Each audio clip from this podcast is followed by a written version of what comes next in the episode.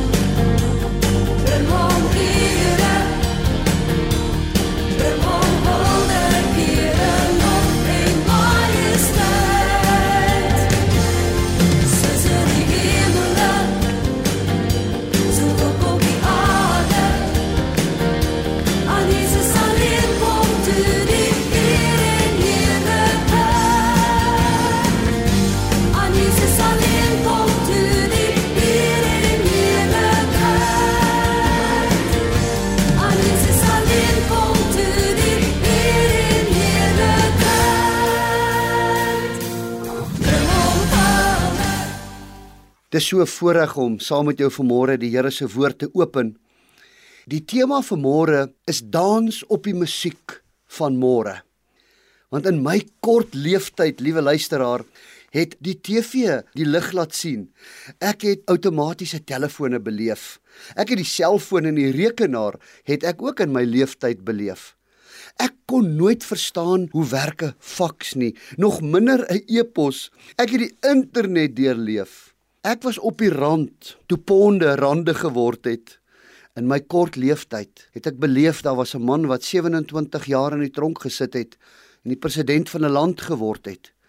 Ek het beleef hoe ons die rugby wêreldbeker in 1995 wen, maar ek het ook die afgelope 2-3 jaar se COVID pandemie beleef. En ten spyte van al hierdie dinge wat ek beleef het, moes ek my hand uithou in geloof. Want alhoewel daar radikale wêreldgebeure was, radikale wêreldveranderinge, het dit my nie geestelik verander nie. Al is die lewe interessant geweest, het dit nie noodwendig geestelik bygedra tot my lewe nie. Maar ek moes ten spyte van die wonderlike voorreg wat ek gehad het om in 'n pragtige Christenhuis groot te word op 'n stadium in my lewe die knie buig voor die man van Nasaret om te sê Here, hier is my lewe. En ek is so bly dat ek my ou lewe ingeruil het by Christus vir 'n nuwe lewe. En van daar af kon ek vorentoe gaan. Van daar af kon ek vorentoe kyk van daar af kon ek dans op die musiek van môre. Ek besef, die afgelope jare of die afgelope tyd kon vir baie van ons luisteraars 'n moeilike tyd gewees het, 'n uitdagende tyd. Uitdagings by jou werk, uitdagings op jou bankbalans en uitdagings met jou gesondheid. Ek lees van 'n vrou in die skrif wat ook uitdagings beleef het.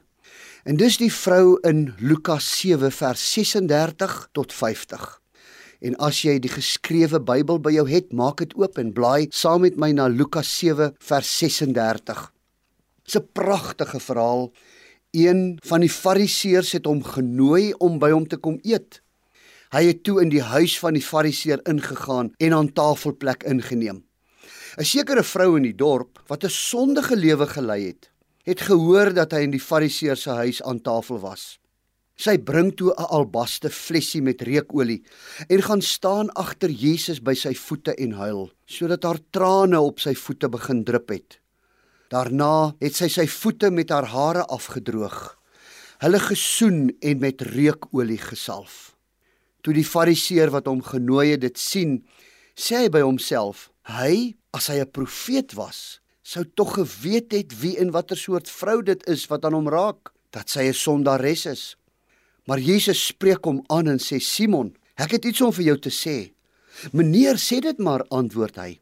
Jesus sê toe: "Twee mense was in die skuld by 'n geldskieter.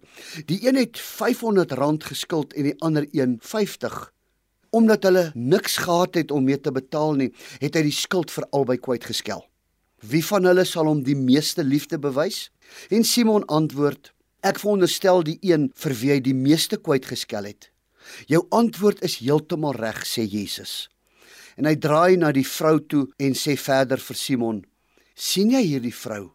Ek het in jou huis gekom en jy water vir my voete het jy my nie gegee nie, maar sy met haar trane het sy my voete nat gemaak en met haar hare het sy dit afgedroog. 'n soen het jy my nie gegee nie, maar sy het van dat sy hier ingekom het nie opgehou om my voete te soen nie. My kop het jy nie eens met olie gesalf nie. Sy het my voete met reukolie gesalf. Ek sê vir jou, omdat haar sondes wat baie is, vergewe is, daarom bewys sy baie liefde. Maar hy vir wie min vergewe is, bewys min liefde.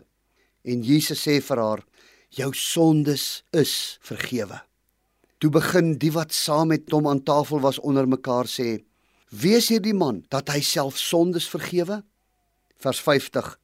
Maar Jesus sê vir die vrou: "Jou geloof het jou gered. Gaan in vrede." Dit mag wees dat baie van ons in hierdie tyd vir onsself vra: "Nou hoe nou vorentoe?" Ek het soveel uitdagings moes trotseer die afgelope jare of die afgelope tyd in my lewe. Hoe kan ek dans op die musiek van môre?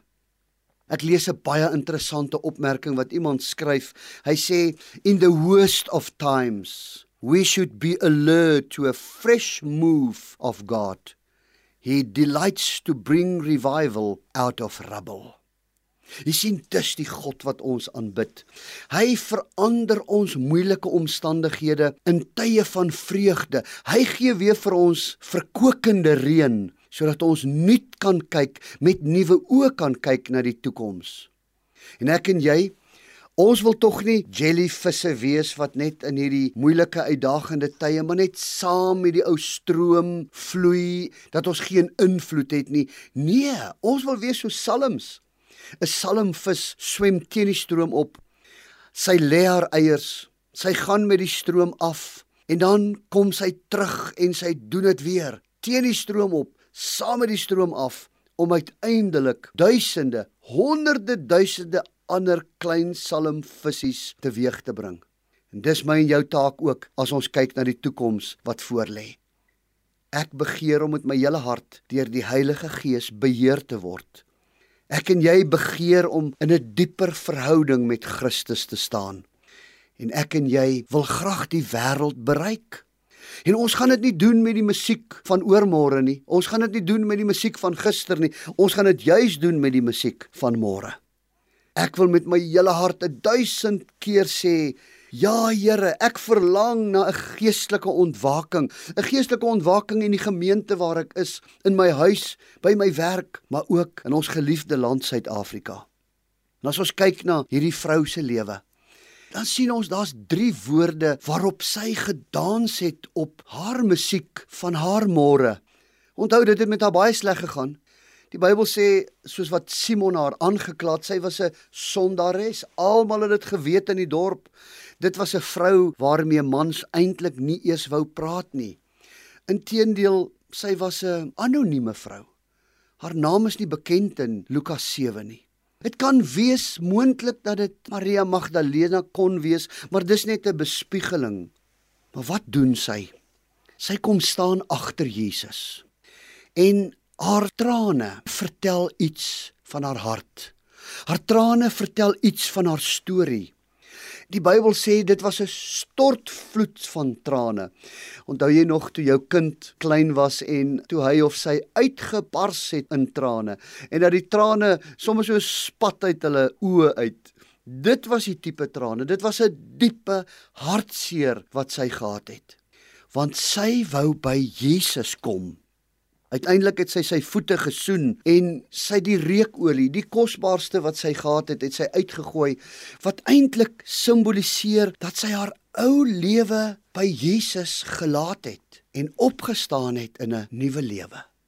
Ek wil graag hê jy moet drie woorde saam met jou vat as jy op jou toekoms musiek gaan dans. Wat is die eerste ding wat hierdie vrou gedoen het? Sy was 'n vrou van geloof. Sy het net gehoor dat Jesus by Simon gaan eet. En sy het verstaan dat as hy daar is, moet sy alles in haar vermoë doen om by hom uit te kom. Interessant. Toe Jesus met Simon praat, toe sê hy vir hom: "Simon, jy weet, jy het nie water gehad om my te verwelkom soos wat dit ons tradisie is in die Joodse tradisie, Simon, dat ek my hande kon was nie. Jy het my nie met 'n broederlike kus gegroet nie." Terwyl haar trane was die water waarmee sy my voete gewas het en sy het my voete gesoen die hele tyd Simon. Sy het my welkom laat voel sy het my tuis laat voel wat jy nie gedoen het nie. En sy het my nog gesalf wat ook in ons tradisie is Simon. Maar toe die vrou hoor dat Jesus by hom gaan tuis gaan het sy geglo Jesus kan haar red. Jesus kan haar help. Jesus kan haar genees maar Jesus kan haar ook van haar sondige lewensbestaan bevry. Ek dink terug aan Matteus 8, toe hierdie disippels saam met Jesus in 'n bootjie was op 'n storm op die see en dat Jesus by hulle was ten spyte van die storm. En ten spyte van die storm het hy vir hulle gesê: "Nou waar's julle geloof, julle klein gelowiges?" Jy sien, hierdie vrou het 'n vaste oortuiging gehad Sy het geglo in die waarheid. Sy het geglo geen storm was en is te groot vir Jesus van Nasaret nie. Ek weet nie hoeveel en watse storms jy in jou lewe moes trotseer in die afgelope tyd nie. Wat ek net weet is, deur hierdie storms het God jou hand vasgehou. Deur goeie tye was hy daar, deur moeilike tye was hy ook daar. En miskien as jy vanmôre terugkyk dan sien jy die spreekwoordelike eenryspore want dis die tye toe God jou gedra het. Jy sien, toe jy in moeilike omstandighede was, was hy die een wat jou uitgeruk het, wat jou opgetel het en wat die storm in jou lewe stil gemaak het. Daarom wil ek jou op die dansmusiek van môre aanmoedig. Moenie nou tou opgooi nie al gaan dit moeilik. Nee, hou aan. Hy is saam met jou in jou lewensbootjie. Hy dra jou op sy rug. Bly geduldig, my liewe vriend, my liewe vriendin. Bly volhard soos wat Jakobus 1 sê en wanneer jou geloof die toets deurstaan het, sal jy tot volle geestelike rypheid kom en sal jy gered word. Ek weet natuurlik geloof is vir baie van ons vir my ook 'n moeilike begrip want jy sien geloof kan 'n mens nie vashou nie, jy kan nie aan dit vat nie. Dis nie sigbaar nie. Dis onsigbaar. Onlangs my drie kinders wou baie graag gaan bungee jump en hulle is baie avontuurlustige drie wesetjies. Dit was vir my baie moeilik toe ek op 'n TV-skerm moet sien hier stap hulle af met toue om hulle en hulle gaan van 'n brug afspring net omdat hulle so 'n bietjie adrenalien wou hê. En alwaaraan ek kon vashou in geloof, was ek moes glo daardie tou is sterk genoeg om hulle kilogramme te dra. En toe hulle afgespring het, toe sien ek daar swaai hulle. Nou as my geloof in 'n wêreldse aardse tou kon wees, dan kan ek en jy dans op die geloof wat God in ons harte geplaas het vir môre en vir oormôre en vir die ewigheid. Die les wat ons by hierdie vrou leer, sy was 'n vrou van geloof. Maar daar's 'n tweede woord wat ook met 'n G begin. Sy was 'n vrou van gehoorsaamheid. Toe sy hoor dat Jesus by Simon gaan tuis gaan, gee sy die eerste tree. Sy wag nie vir 'n uitnodiging van Simon af nie.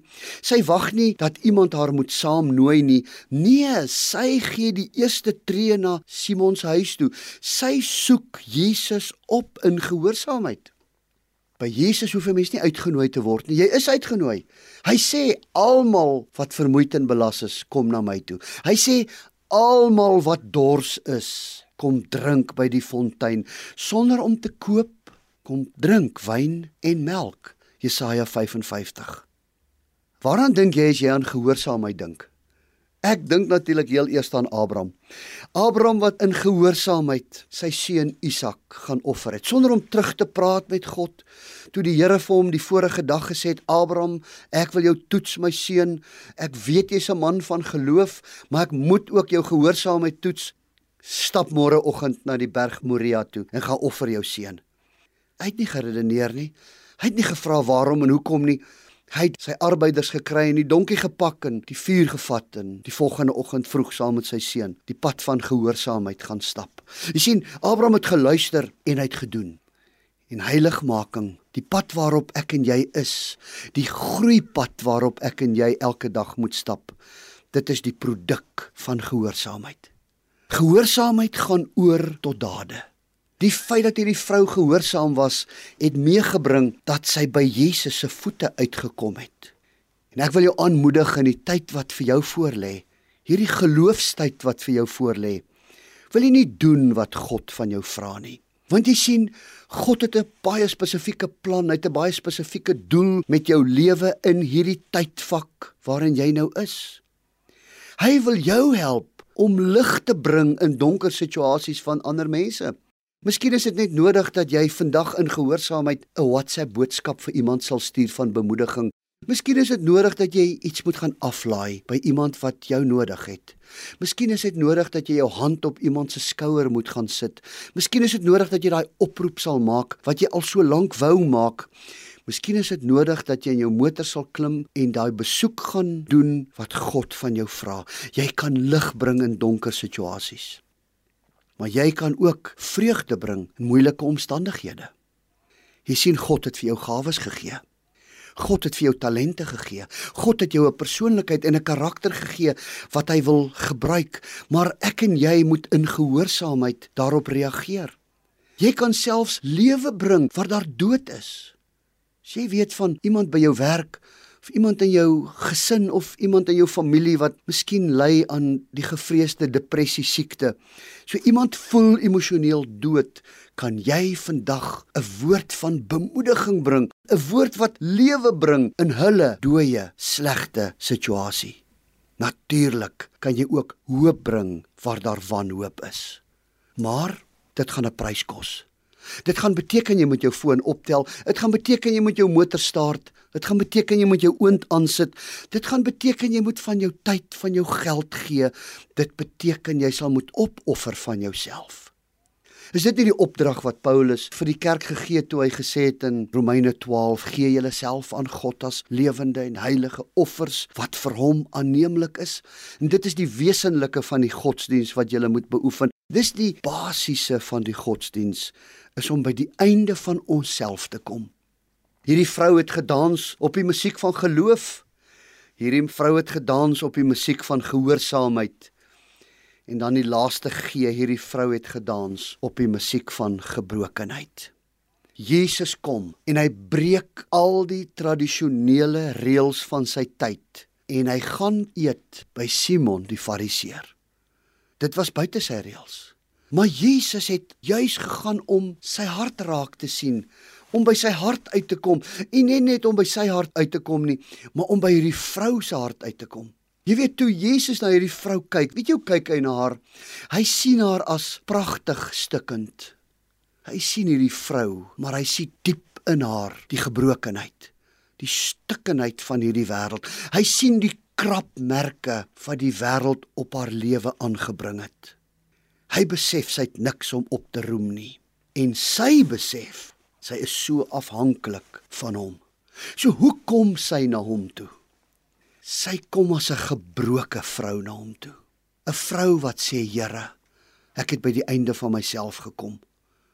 En die oorspronklike Griekse teks sê sy het eintlik in daardie vertrek ingelepperd krol. Nou die van julle wat so bietjie ouer is en wat in die weermag was sal weet, As 'n mens na 'n teiken toe aankom, dan kruip jy hande vier voet. Jy is so laag as moontlik aan die aarde. Jy is gebroke en jy het eintlik niks om te bied nie. Dis hoe hierdie vrou na Jesus toe kom. Sy kruip na hom, hande vier voet in gebrokenheid om hom te dien. Ek lees 'n wonderlike verhaal van mense wat op 'n ashoop gebly het in Manila en hulle het afval van die ashoop afgevat. Een het 'n blik gevat en ander een het 'n skoppie gevat en ander het 'n ou weggooi lepel gevat, ander het 'n stuk yster gevat, ander een het 'n stuk vislyn gevat en so met die afval op die ashoop het hulle orkes begin. En uiteindelik het hierdie simfonieorkes begin speel vir die mense wat wanhoopig was op die ashoop om vir hulle weer hoop te bring.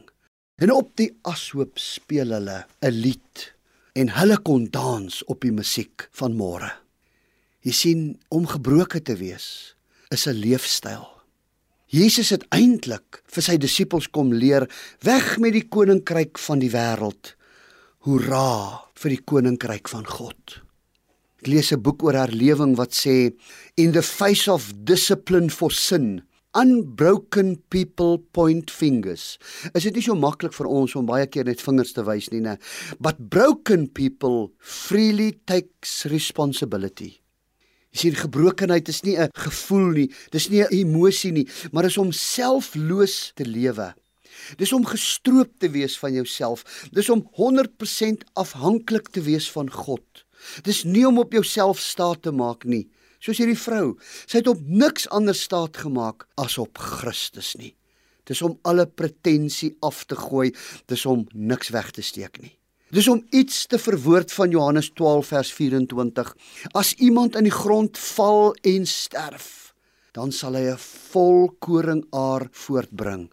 Dis wat God van ons vra. When God wants to do a new thing, He searches for one truly broken person, sê iemand. Jy sien, gebrokenheid lees 'n mens min op Twitter van of op Facebook of op Instagram. Nee, gebrokenheid is die pad na heelheid. In gebrokenheid kom hierdie vrou na Christus toe om heel te word, want in Jesus se gebrokenheid lê my en jou oorwinning. Ek sluit af vanmôre met 'n ware verhaal Iemand het, hulle noem dit kintsugi, breekware. Iemand het afvalbreekware gaan optel en daardie breekware is met goud gerepareer. En vandag is daardie stukkende ware wat met goue inlegsels gerepareer is, is mooi gemaak en vandag is dit verskriklik waardevol. Dis wat God met my en jou lewe kom doen het. Ook met daardie vrou se lewe. Hy het die brokstukke van ons lewe kom optel en hy het dit as ware met die bloed van Christus gerepareer.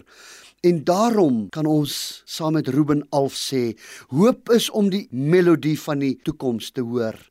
Maar geloof is om nou reeds op die maat daarvan te begin dans. Wil jy nie saam met die vrou van Lukas 7 en saam met my en saam met jou medegelowiges dans in geloof? Klou vas aan God in hierdie tyd. Dans in gehoorsaamheid. Doen wat God van jou vra en dans in gebrokenheid. Gaan salf die wêreld se voete met jou kosbaarste olie. Jy is kosbaar vir God. Daarom sal jy kan dans op die musiek van môre. Kom ons bid saam. Ons wonderlike Here, ons dankie vir u woord, vir die lesse en die vermaaninge vanuit u woord. Ons dankie vir hierdie vrou in Lukas 7, saam met wie ons ook in geloof, in gehoorsaamheid en in gebrokenheid kan dans. Dankie Jesus dat u geloof in ons harte kom werk Dankie dat U ons help Heilige Gees om gehoorsaam te wees aan U roepstem. En dankie dat ons in gebrokenheid na U toe kan kom omdat U juis die oorwinning vir ons behaal het. Ons prys U naam en ons dankie dat ons saam met U kan dans op U musiek van môre en oormôre. In Jesus naam vra ons dit. Amen. Ons sluit nou af met 'n danklied wat ons almal saam gaan sing.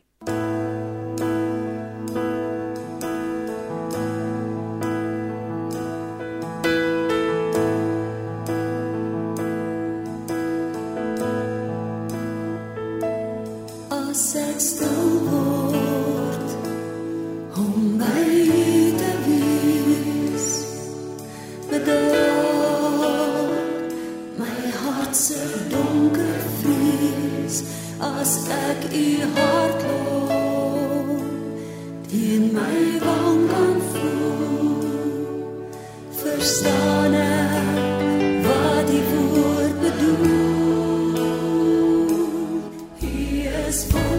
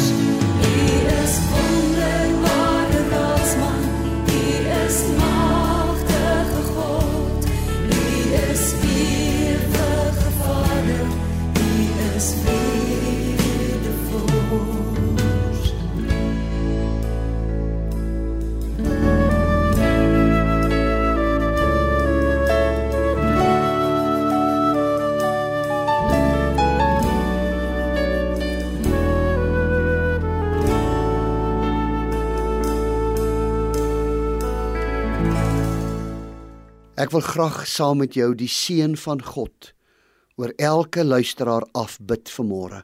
Mag die genade van ons Here Jesus Christus mag die liefde van God ons Vader en mag die teenwoordigheid van sy Heilige Gees in en met jou wees en bly totdat hy kom. Amen.